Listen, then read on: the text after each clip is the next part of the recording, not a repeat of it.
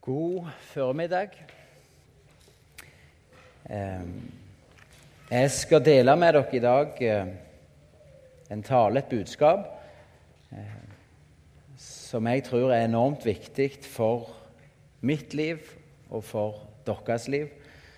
At vi vil eh, ta imot det og, og leve i det. Starten på denne talen tror jeg må skrive 15 år tilbake i tid. Eh, da var jeg student i Stavanger bodde på Bryne og tok tog, pendla med tog. Og En kveld når jeg skulle eh, kjøre hjem fra Stavanger med toget, så ble jeg sittende på sida av en mann og ei dame fra Iran. Eh, Og Vi kom i snakk, og det viste seg at de var kristne. Eh, og De sier da til meg at eh, i Iran så er det ingen problem å være kristen hvis du vil bare holde det for deg sjøl. Men hvis du vil gjøre det som eh, Gud ber deg om å gjøre i Bibelen, hvis du vil ha Jesus som Herre og dele det med andre, da får du store problemer.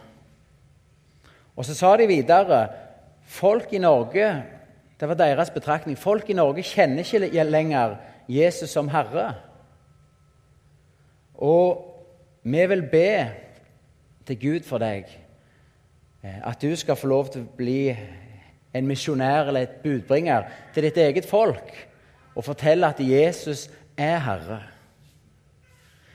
Eh, mange år gikk, eh, men det var vel omkring 2006 så begynte noen tekster fra Bibelen som nettopp taler om at Jesus er Herre, å leve i meg og det er blitt til den talen som jeg i dag skal dele med dere.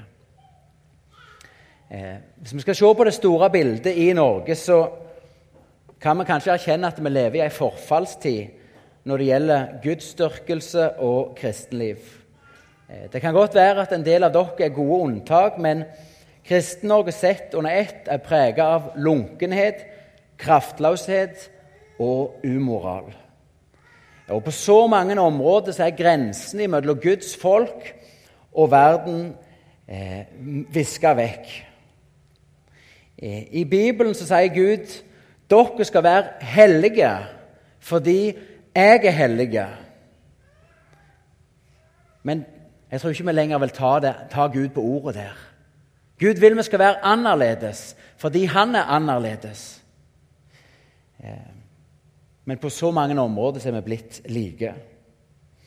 Eh, og vi kan Samtidig med dette så er det en, en lengsel hos mange av oss etter mer kraft og mer av Gud i våre liv og i våre menigheter. Men så virker det som om himmelen er litt stengt. Eh, vi kan reise land og strand rundt for å bli inspirert og få nye impulser. Men i det store og hele så virker det som om så lite kommer ut av våre gode ønsker og strev etter liv og vekkelse. Har Gud forandra seg? Vil ikke Gud lenger kle sitt folk i kraft og reise seg opp til å være et hellig folk? Vil ikke Gud lenger frelse alle de fortapte i vårt land? Jo, Bibelen sier at Gud i går og i dag er den samme ja, til evig tid, så Gud ikke forandrer seg. Så hvis vi som er hans folk, erfarer i vårt liv at vi har en manglende kraft og innflytelse på verden rundt oss, så skyldes det ikke en forandring i Gud. Gud vil, og Gud kan. Jeg skal i dag tale om det som jeg tror er årsaken til at det er så mye oss og så lite Gud i dagens Kristen-Norge. Eller for å gjøre det mer personlig hvorfor det kan hende er så mye deg og så lite Jesus i din etterfølgelse. Og da er Første spørsmål vi skal stille oss i dag, er Kjenner du Jesus som din Herre? Jesus sier i Lukas 6, 46, Hvorfor kaller dere meg Herre, Herre, og så gjør dere ikke det jeg sier? Jesus sier det må være en fortvilelse i det ropet. Hvorfor kaller dere meg Herre? Hvorfor bekjenner dere meg til Herre? Men så gjør dere stikk imot det jeg befaler dere. For hvis vi kaller Jesus vår Herre, da stiller vi oss sjøl i en posisjon av å være hans tjenere. Og da er din og min oppgave å gjøre hans vilje.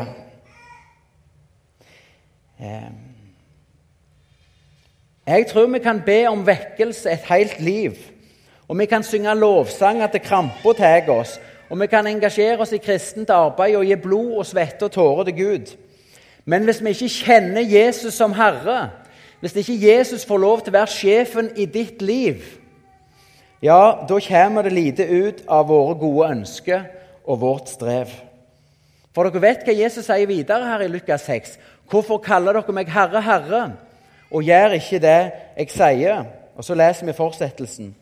Den som kommer til meg og hører mine ord og gjør etter dem, hvem han ligner, skal jeg fortelle dere.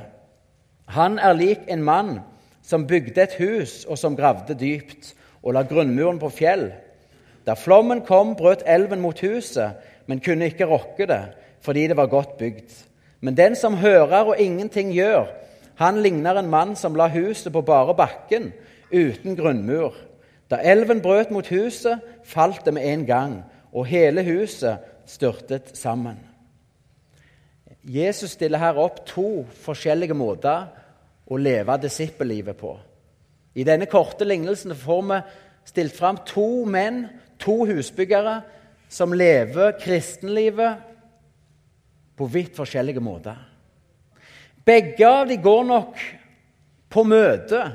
Begge av dem hører Jesus sitt ord. Begge av dem bekjenner sin tro, bekjenner seg til Jesus som Herre. Men den ene han hører Jesus sitt ord, og så går han videre og så lever han sitt liv fritt ifra det ordet. Mens den andre han bygger sitt liv på dette ordet. Han innretter sitt liv. Han er villig til å bøye seg for dette ordet. Og Jesus sier i det lange løp så ender disse to disippellivene helt forskjellig. I møte med stormen, i møte med Guds dom, så feller det ene disippellivet sammen. Mens det andre blir stående. Det er en livsfarlig konstruksjon å prøve å leve et kristenliv der Jesus ikke får lov til å være herre, få være sjef i ditt og mitt liv. Et kristenliv uten Kristus som herre er en svak konstruksjon som over tid ikke kan bli stående. Og Kanskje er det litt typisk for mange av oss kristne i dag at vi sier ja takk til Jesus som frelser. Jeg vil ha tilgivelse for synd, jeg vil ha håp om himmelen. Men så sier vi nei takk til Jesus som Herre. Jeg vil leve mitt liv. Jeg vil følge mine planer. Så skal jeg gi noen eksempel som kanskje vi kristne på måter vi kan tenke nå til dags. Er det ikke bare nådesølvet? Kom ikke her og si at Gud krever noe. Eller nåde for meg er at Jesus alltid er der for å møte meg og tjene meg og fylle mine behov. Hvem er det som er i sentrum her? Jo, det er oss, og ikke Kristus. Eller nåde for meg er at jeg kan leve akkurat sånn som jeg vil, og til enhver tid vite at Gud er med meg og velsigner meg. Og Det kan til og med gå så langt at vi kristne vi bruker Jesus som en mur mot Guds vilje. Gud, la meg få leve mitt liv, for jeg er jo frelst, jeg er jo døpt, jeg har jo Jesus. Vet du hva? Jesus var Guds lam. Han kom for å bære verdens synd, og han kom for å tjene og legge sitt liv ned og gi sitt liv som en lauspenge for de mange. Han kom for å gi. Men på den tredje dagen så skjedde det noe fantastisk. Da ble Jesus av Guds veldige kraft reist opp ifra grava. Og Jesus ble innsett som hyrde og herre for Guds folk. Herreveldet ble lagt på hans skuldre. Og det vil si, Hvis du og meg tok imot Jesus som vår frelser, da skylder vi å leve for han og følge han som vår herre. For 2000 år siden, når Jesus gikk rundt og kalte mennesker til å bli sine etterfølgere, så kom han ikke til Peter og sa 'Peter'. Vær så snill, ta meg med i livet ditt, ta meg med i båten din. Jeg skal ikke si mye, jeg skal ikke mene mye, men ta meg med. Nei, det var ikke sånn det skjedde. Jesus kom og så sa han, 'Peter, følg meg.' Gå min vei, så skal jeg forandre ditt liv. Jeg skal gjøre deg til en menneskefisker. Og vet du hva? Jesus er den samme i dag. Han har kalt deg til å være en etterfølger, til å gå hans vei, sånn at han kan få forandre ditt liv. Sånn at du kan gjøre hans vilje. Å være en kristen er å følge Jesus. Frelse og etterfølgelse henger sammen. Gud har aldri kalt deg eller meg til å være hyrdeløse sauer som springer litt forvirra våre egne veier i påvente av himmelen. Nei, vi har fått en hyrde og en herre som skal lede oss gjennom dette liv, hjem til himmelen. Vi kan ikke velge å takke nei til Jesus som herre og si ja, men han er bare min frelser. Da bygger vi hus og liv som ikke kan bli stående. Så hvordan kan vi ha Jesus som Herre? Hvordan kan du ha Jesus som Herre i ditt liv? Da skal jeg gi dere tre punkt som jeg tror er viktige. Eh, for det første søk først Guds rike og hans rettferdighet. Jesus sier i Matteus 6,33.: Søk først Guds rike og hans rettferdighet, så skal dere få alt det andre i tillegg. Vi må rett og slett la Gud være Gud.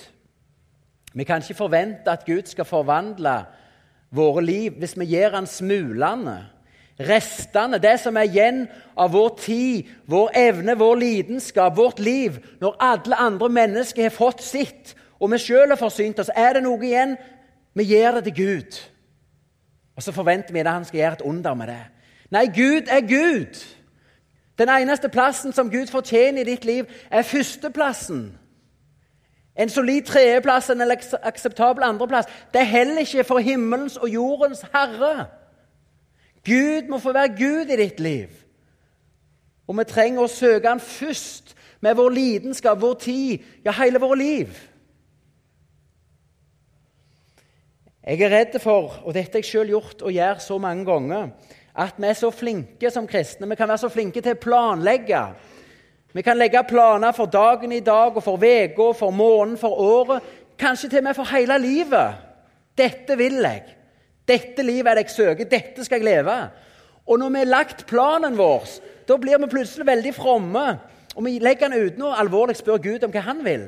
Men når planen er spigra, så folder vi hendene og så ber vi om himmelens ressurser for å gjennomføre min plan, så jeg kan leve av mitt liv. Og Hvis det er sånn vi bruker Gud, så er det ikke løye om etterfølgelsen er en vandring i frustrasjon, for Gud lar seg ikke bruke til dine planer. Gud har en plan med ditt liv, og han vil at du skal være villig til å legge ditt liv, din hverdag, i hans hånd. Så han kan få åpenbare sine planer og lede deg på sin vei. Å søke Guds rike først, det handler også om bønn. Du skal få lov til å be Jesus om å bli herre i ditt liv. Du skal få lov å be om at Guds rike må komme inn i din hverdag, i ditt liv, i ditt nabolag, i din familie. For Gud svarer på bønn. Og det er Ingen av oss kan bare brette opp armene og ta oss i nakken og nå skal gjøre Jesus til herre. Nei, Vi klarer ikke det sjøl. Men vi skal få lov å folde hendene og så skal vi si Jesus, du ser at jeg så ofte og på så mange måter lever mitt eget liv og går mine veier. Men Jesus renser meg, beskjær meg, ta vekk de tingene i mitt liv som står din vilje imot. Jesus, bli du herre i mitt liv. Bli du herre i mitt liv. Og så ønsker Gud å svare på sånne bønner. Han ønsker å helge Jesus til Herre i ditt hjerte og i ditt liv. Han ønsker å rense deg og beskjære deg. Han ønsker å fornye viljen i deg. Den gode viljen som gjør at du sier ja til Guds vilje. At du òg med hjertet kan si ja, Jesus, bli, vær du min Herre. Kanskje du kjenner på en befrielse i det, og jeg skal slippe å være min egen herre. Jeg skal slippe å legge målet for mitt liv. Men Jesus, hva er din vei? Hva er din vilje? For jeg vil gå an. Jeg vil leve for deg, Jesus. Bli du herre i mitt liv. Det er det første. Søk Guds rike først. Be Jesus om å bli herre i ditt liv. Det neste punktet det er kalt å høre og gjøre Guds ord. Hva er Guds vilje? Jo, det er jo fantastisk. Vi har fått Bibelen. Og Bibelen er unik. Der får vi både kunnskap om hva Guds vilje for oss er. Men Bibelen gir oss også kraft til å leve etter Hans gode vilje. For når Jesus sier 'Hvorfor kaller dere meg Herre, Herre', så gjør dere ikke det jeg sier. Skal vi ha kunnskap om vår Herres vilje, så trenger vi å kjenne Bibelen. Der blir vi kjent med Hans vilje. Eh, og Jesus sier det står skrevet 'Mennesket lever ikke bare av brød, men av hvert ord som kommer fra Guds munn'. Tenk litt på det. Jesus sier at du lever ikke bare av det du finner i brødskuffa i kjøleskapet. Tenk på hvor viktig mat er for det fysiske livet. Hvis ikke jeg eter, så får jeg etter hvert ikke kraft til arbeidet. Og hvis vi med våre unger Ta Henrik, for eksempel, han er åtte måneder. Hvis han aldri fikk nok morsmelk, aldri nok rød, aldri nok skjeve, aldri nok middag, så ville han aldri vokse opp til å bli den sterke mann som han kan bli.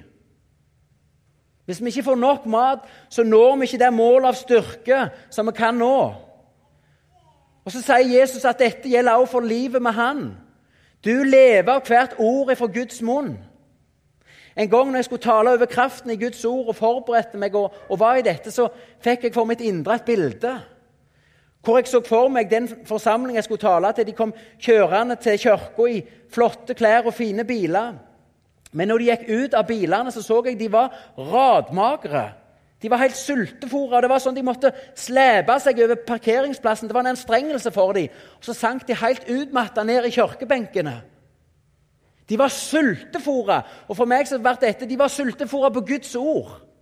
Skal vi ha den kraft og vitalitet vi trenger som Guds folk for å gjøre Guds vilje, så trenger vi å ete Guds ord. Vi trenger å ete Bibelen, for det er mat for oss. Vi lever av hvert ord ifra Guds munn. Og Jeg er redd for at mange velmeinende kristne lever kraftløse kristenliv, hvor de heller i stor grad bygger sitt eget rike enn Guds rike, fordi Bibelen blir forsømt. En et ikke ordet fra Guds munn. Og så blir det sånn, Vi ser på forfallet rundt oss. Vi kan se på kraftløsheten i eget liv og menigheten, så blir vi litt desperate. Vi leter etter en ny oppskrift som skal få gang på kristenliv og vekkelse osv. Men hvis vi ikke lever i Ordet så vil ikke disse lengslene bli møtt. For i Guds ord er det kraft og liv. Djevelen, vår motstander, vet du hva? han er ikke redd for våre oppriktige ønsker om liv og vekkelse hvis han får oss til å være et folk som lukker boka, Bibelen. Når Jesus forteller en lignelse om hvordan Gud forandrer verden, Matteus 13, så er det lignelsen om såmannen. Han sår ut sitt såkorn, og såkorn er Guds ord. Gud forandrer verden med sitt ord. Der ordet blir tatt imot og får ligge i hjertet, der skaper det liv, vekst og frukt. Og Det gjelder også for ditt liv. Guds ord må få rikelig rom i ditt liv. Det må få ligge for å gi liv, vekst og frukt. Gud vil forandre deg med sitt ord. Han vil gi deg kraft med sitt ord. Kraft til å leve med Jesus, leve for Jesus, med at du vil ete.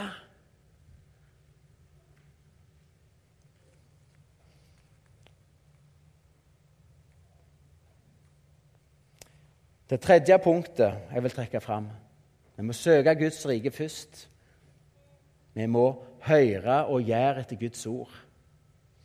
Og for det tredje vil vi leve med Jesus som Herre, så må vi være villige til å leve i lyset.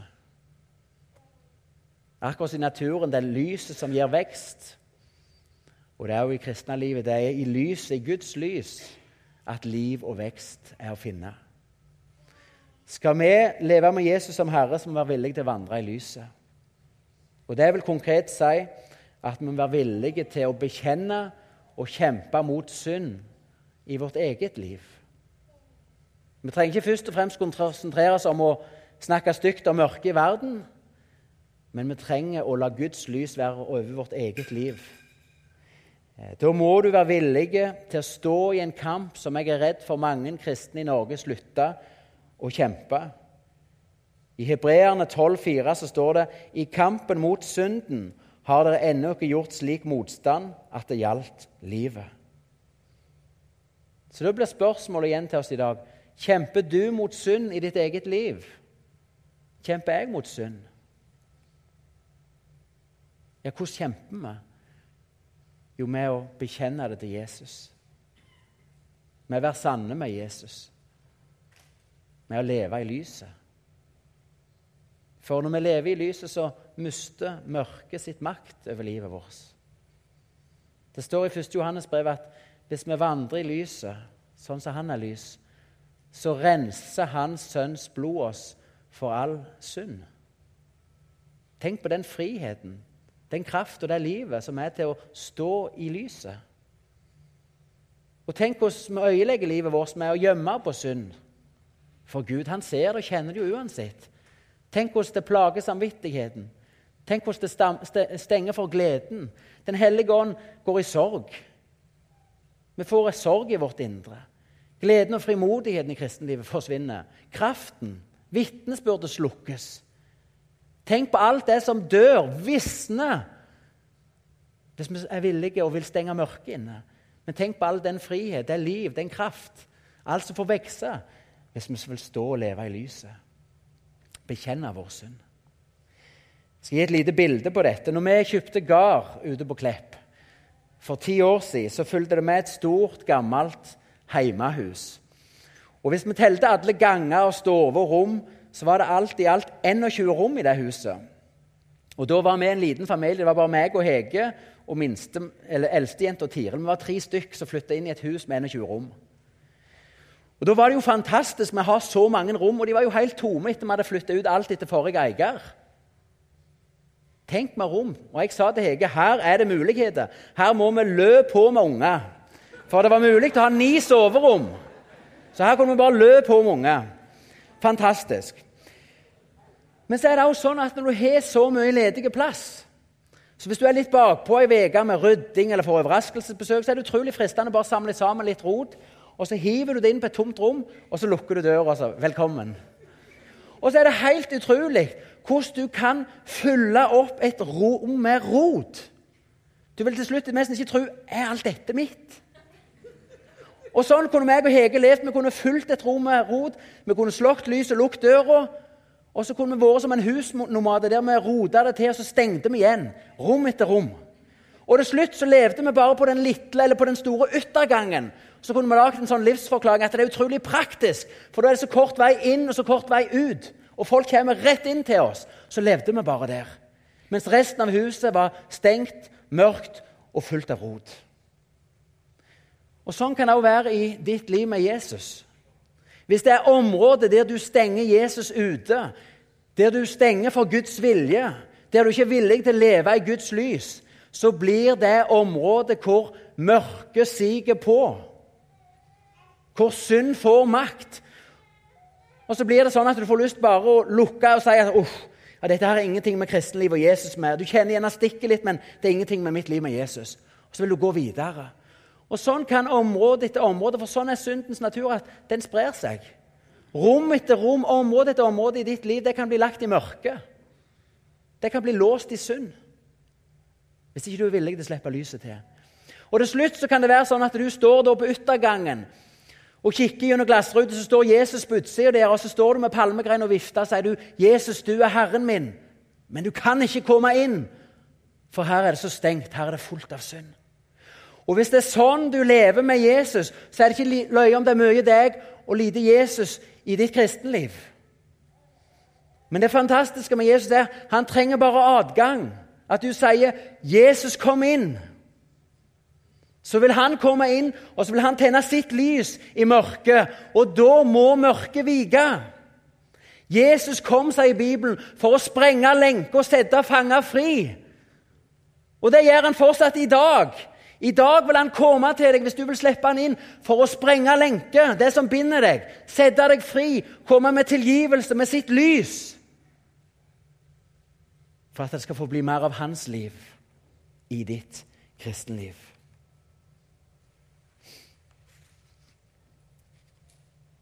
Vi jeg bare kort si det. Det er forskjell på kristen på å leve i synd og falle i synd. Som kristne så kan vi ikke forbli i vår synd. Det er ikke der vi er kalt til å leve.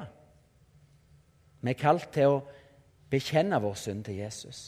Og så opplever vi det utrolige at gang på gang, igjen og igjen, så renser han oss. Reiser han oss opp, så får vi lov å fortsette vandringa. Men det er ikke der du skal leve, i synd. Han har frelst deg fra din synd, og han trenger at du vil leve i hans lys. Jesus er en utrolig god herre. Han har en vilje for ditt liv, ja. Han vil være sjefen i ditt liv, ja. Men vet du hva? ingen kjenner deg sånn som Jesus. Ingen elsker deg sånn som Jesus. Ingen har en sånn omsorg for deg og ditt liv sånn som Jesus. Nå skal jeg fortelle en liten historie fra mitt liv om hvordan, og min familie sitt liv, hvordan Jesus har forandra vårt liv. Eh, når jeg var 21 år gammel, så fikk jeg et nytt møte med Jesus gjennom et alfakurs. Eh, og jeg forsto at han ville tilgi meg. At han lengta etter å få meg tilbake. At han hadde dødd for meg på korset. Det var også for meg. Og så forsto jeg en ting til som ble så levende for meg, og det var at Jesus hadde en plan med mitt liv. Han ville leve sammen med meg. Han frelste meg ikke for at jeg skulle sitte på en ventebenk og vente på himmelen, men han ville leve med meg i dag. Og Så skaptes det en sånn trang og en, et ønske i mitt hjerte om å finne ut hva som var Guds vilje for mitt liv. Og Samtidig med dette så holdt jeg på å kjøpe en stor gard ut forbi Pollestad, eller Podlest på Jæren. Og Da ba jeg òg til Jesus Jesus, hvis du har en annen plan med livet mitt, så må du stoppe meg for å få denne gården. Og selv om jeg hadde det høyeste budet inne, så fikk jeg han ikke. Og Da tenkte jeg nei vel, da har Jesus en annen plan. Eh, for meg til å følge Jesus vil si å si nei til å bli bonde.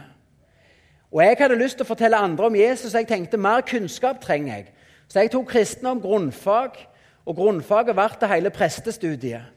Og For den fasen av mitt liv så jeg tenkte at Jesus kaller meg til heltidstjeneste for han.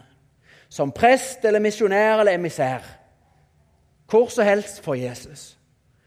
Prest ble jeg, og det var jeg i eh, snaut fire år. Men etter ca. tre år som prest så begynte det å skje noe merkelig i mine bibel- og bønnestunder. Når jeg var alene med Jesus, og det var stilt. For Da begynte en ny tanke å komme til meg, og tanken var Sølve, nå er tida inne for å bli bonde. Den kom igjen og igjen, men jeg, våg, jeg ville jo helst avvise den, for det var jo en gammel drøm, en lidenskap, noe jeg hadde gitt avkall på. Jeg var jo prest, så liksom ikke frist meg. Men den kom igjen og igjen. Og så skjedde det flere ting. En gang en kamerat ba for meg uten jeg hadde delt noe, så sier han Sølve, når jeg ber for deg, så tenker jeg bare sånn på hans vold. Nå vet sikkert ikke dere hvem Hans Vold er, men han var en bonde på Jæren som var forkynner og brant for Jesus. Da begynte mitt hjerte litt å slå. kan det virkelig være Jesus som sier Sølve, tida inne, du skal få bli en Hans Vold.' en bonde som forteller andre om meg. Men jeg vågte fortsatt ikke tro det. Men noen dager senere leste jeg i Bibelen i Markus evangeliet kapittel 10. Der sier Jesus at den som gir avkall på hus og ågre, så gir han også andre eksempel, for mitt navns skyld, han skal få i den nåværende verden hus og ågre, men også forfølgelse. Og i den kommende verden evig liv. Dette verset ble helt levende for meg. Hva får du hvis du setter et hus på en åger? Du får en bondegård. Hvem skulle få den bondegården, sa Jesus. Jo, den som for mitt navns skyld hadde vært villig til å gi avkall på det. Og tid skulle han få det? I den nåværende verden og i den kommende verden evig liv. Halleluja! Bonde i dette liv og en evighet hjemme hos Gud. Vet du hva, Dette verset det ble helt levende for meg. Og Jeg begynte å tro at det var Jesus som sa Sølve, tida inne. Du var villig til å gi avkall på bondedrømmen din, men nå vil jeg gi den deg tilbake. Men Da skulle også jo problemer begynne, men også forfølgelse. Jeg vil ikke akkurat kalle det forfølgelse, men jeg hadde en litt tøff start med kona hjemme. Vi var nygifte, vi hadde akkurat bygd oss funkishus i Sandnes. Hege var ei byjente, og hun så nok for seg at her skal vi bli gamle. Alt var sånn som hun ønsket det. Så jeg husker ennå den kvelden jeg kom hjem og sa at jeg trodde jeg skulle bli bonde. Kanskje den verste i ekteskapet så langt. Da så vi hver vår ende av en treseter skinnsofa, og Hege strigrein. Og hun sa det 'Jeg gifta meg med en prest'. Ja, kunne ikke nekte for det. Og skal du bli bonde, så får du finne deg ei bondekone. Jeg, jeg syns jo hun var håpløst vanskelig. Og jeg sa sikkert mye dumt, men jeg sa jo det med mindre du òg ønsker dette, så er det ikke aktuelt. Og så snakket vi ikke så mye om det. Men etter ca. to uker får jeg en tekstmelding fra Hege hvor det står 'Jeg vil bygge meg en gård med en hage utenfor. prikk, prikk, prikk, Din Hege'. Og Hun sier selv det var helt merkelig, men det var en, vei, en dag på vei tilbake fra jobb akkurat noe som løsna i tankene. Hvorfor skal jeg pinnhalle på dette huset? Og det er et lite godt tips til dere menn. Av og til gjør vi lurt i å overlate konen til Herren. For han kan vende på hjertene og legge nye tanker ned i dem, så de blir klar. Men det gjelder også for oss menn. Begge veier. Men da hadde Hege blitt klar, og jeg var klar. Og da begynte vi ganske enkelt og enfoldig å lete etter den gården som vi trodde Gud hadde for oss.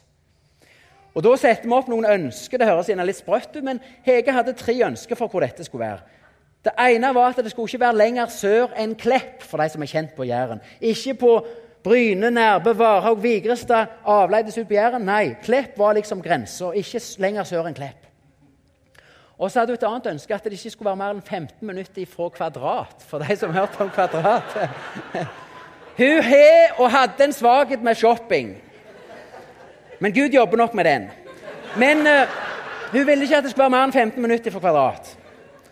Og for det tredje at tunet skulle ligge sånn at vi så noe lys når vi kikket ut. At det ikke bare var et mørkt hull på kveldene, for vi er nok litt mørkredde. Jeg hadde en gammel guttedrøm om at jeg skulle ligge på et høydedrag, så jeg kunne se tankbåtene i Nordsjøen. Ok, Med dette som pekepinn og med bønn til Gud så begynte vi å reise rundt. og Vi var sikkert på 100 gardsveier og kikte. Hvor er denne gården? Og Når jeg ser på notatene mine, så ser jeg at vi har sirkla inn og begrensa områdene til slutt. Så konsentrerte vi oss om høydedrag rundt Klepp. Og En dag så kjører vi forbi den gården der vi nå bor. Eh, vi parkerer bilen i veikanten, og så ber vi. Eh, og så får begge bare en sånn fred for at her skal det være. Her er det. Og Da er jeg ganske frimodig. Jeg går og ringer på hos bonden. Det står jo ikke til salgsskilt, eller noe, men jeg ringer på og sier hvem jeg er, at jeg er på jakt etter gard. Om denne var til salgs eller forpaktning. Nei, sier bonden, han var ikke til salgs, men uh, han trong en avløser. Så sa jeg greit, jeg kan godt være avløser hos deg. Så da hadde vi en avtale om det. Og da tenkte jeg at kanskje sånn som Jakob i Det gamle testamentet, så måtte jeg være dreng en stund før det ordna seg. Så da hadde meg og Hege tro på at her skal det være. Og da sa jeg opp jobben som prest. Det var 15. mars 2005. Og oppsigelsestid var fram til sommeren. Og når folk da spurte meg ja, hva, skal du nå bli, hva som skjer nå? Jo, jeg skal bli bonde. Ja, hva da henne? Nei, Det kan vi ikke si noe om, men vi tror at noe skal ordne seg. Så meg og Hege vi bare ba til Jesus om at han skulle åpne en vei til denne gården. For Hvis vi hadde forstandet han riktig, at dette var hans vilje, så skulle ikke vi prøve å grave han til oss eller spisse albuer, men da skulle han åpne en vei for oss. Og En gang mens vi ber for dette, så får Hege et indre bilde det er jo sånn Gud også kan tale. Bibelen sier jo bl.a. i profeten Joel og i apostelgjerningene at i de siste tider så skal de gamle ha drømmer, de unge se syne. Så Gud kan gi inntrykk. Eh, det er en egen tale i seg sjøl. Det må prøves på Guds ord osv. Men Hege fikk da et inntrykk. Det hun da så for seg, det var at bonden sto med åpne armer midt i tunet ned av låvebruna, og at han viste oss alle skjelvene eller markene på gården og tok oss inn i det ene huset og viste oss alle rommene. Og Da tenkte vi hvis dette er Gud, så må vi jo handle på det. Så vi satte oss nervøse og beende i bilen og kjørte opp til gården. Og når vi triller inn i gardsrommet, så står bonden midt i tunet ned av låvebruna. Og når jeg går ut for å snakke med ham, får jeg frysninger på ryggen. For da sier han Sølve, du må huske på sånn og sånn den dagen dere skal bo her. Da hadde han begynt å tenke at vi skulle få bo der. Han viste oss alle markene, og så tok han oss inn i huset og viste oss alle rommene. Og Da fikk meg og Hege en sånn enorm bekreftelse og fred for at Gud har kontroll. Vi skal bare vente. Gud har kontroll på denne gården. Det er ikke lett å vente. Månedene går, ingenting skjer. Vi ber, vi takker, men vi kjenner også på trøkket. For eh, de som var glade i oss, foreldre og venner, var bekymra. Mor og far sa 'Hva skjer i livet ditt?' De hadde hatt en gjev sønn som var prest, men nå var han i ferd med å bli en svermer på gardsjakt. 'Hvor er dette luftslottet ditt? Hvor er denne gården?' Og jeg kunne ikke si noe. Så da sier Hege en dag at nå må vi be noen dristige bønner. Ja, det var jeg klar for. Og Vi har vært enige om at vi skulle be Gud om et gjennombrudd når det gjaldt gården. Og Dette var en onsdag, og igjen så var vi litt sånn praktisk anlagt. Vi hadde allerede en del avtaler i helga, så vi ba om et gjennombrudd på mandagen over helga. Og mens vi ber for dette i uka, så får Hege et nytt inntrykk, et nytt bilde, hvor hun ser meg, bonden og en tredjeperson sitte med et bord og så skrive på noen ark. Og Når hun deler dette, så sier jeg 'yes'. Det er kjøpskontrakten. Så mandags formiddag så reiser jo jeg med hjertet i hendene opp til bonden, for det går jo an å ta opp riktig feil. Men det fantastiske for oss er at bonden den mandagen foreslår at vi skal kontakte hans regnskapsfører Martin Svebestad på Klepp regnskapslag for å sette opp en kjøpskontrakt. Og mindre enn ei uke seinere har vi fått kjøpe denne gården. Eh, som om vi skulle vært hans arvinger. Og Det var helt spesielt når vi var hos regnskapsføreren. for Han sier til bonden du kan få mer hvis du legger det ut og det blir budrunde. Jeg vil selge det sølve. Du kan få mer hvis du slakter gården og skiller hus og jord. Jeg vil selge det sølve. Og Nå bor bonden i hus nummer to på, jorda, på, på, på gården. Og det viste seg òg at han egentlig selv i lang tid hadde vært på jakt etter ei avløsning. Men det visste ikke vi når vi kom inn i bildet. Hvorfor forteller jeg denne historien for å si at alle som vil følge Jesus, skal bli bønder? Nei! Men vet du hva, det var faktisk Guds vei for meg og for oss. Og det er ikke noe spesielt med meg eller oss. Gud har en plan med ditt liv. Det behagte han å legge en liten litlefinger på en liten gard på Jæren og gi det til en liten familie. I stort og smått så ønsker Jesus at du skal være villig til å legge ditt liv i hans hånd. Stole på han, så vil han gripe inn. Jesus vil være og fortjener å være herre i ditt liv. At vi er villige til å legge våre liv ned for han, for at han skal få lov til å lede oss. Er Jesus herre i ditt liv? Får han lov til å være herre?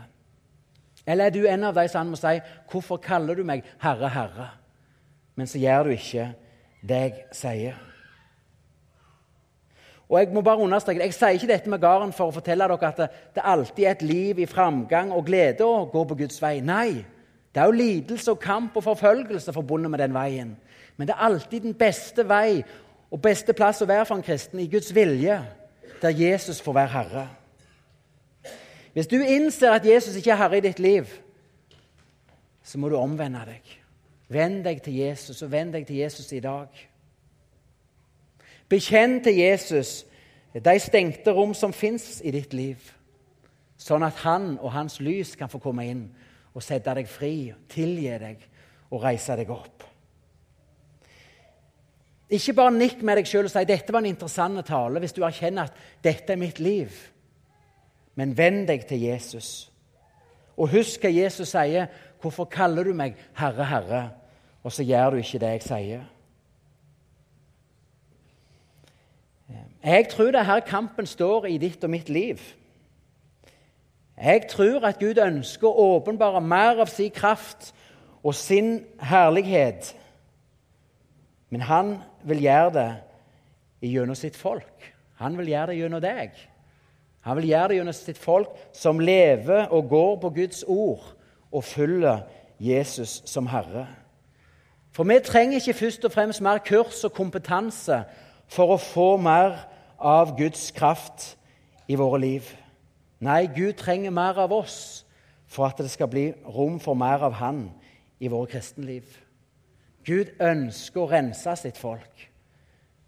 Gud ønsker å rense den rest i Norge som enn å leve i tro på Jesus. Og Det er den samme gamle historien som kan lese igjen og igjen i Det gamle testament. Guds folk faller ifra. Guds ord blir glemt, og Guds herredømme blir forkasta. Og så kaller Gud til omvendelse. Og når hans folk er villige til å ydmyke seg, bøye seg for Guds vilje og vende om, bekjenne sin synd, da er Gud trofast. Da tilgir han.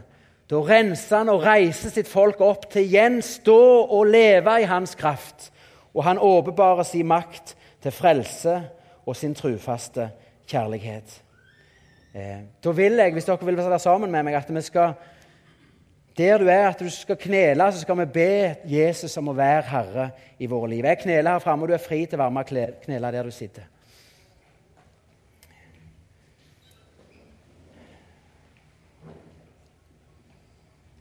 Kjære Jesus, jeg ber at du må tilgi meg og tilgi oss at vi på så mange måter så mange områder har valgt å vandre våre egne veier og leve som vår egen herre.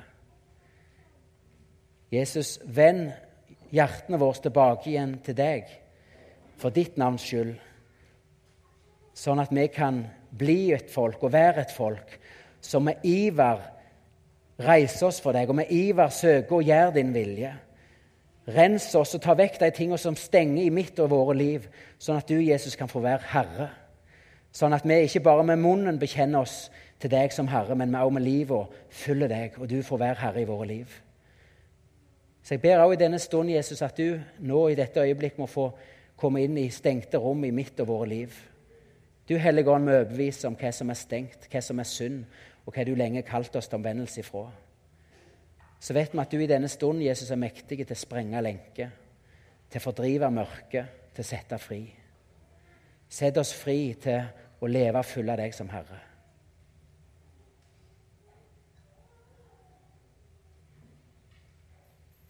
Vi ber om det i Jesu navn. Amen.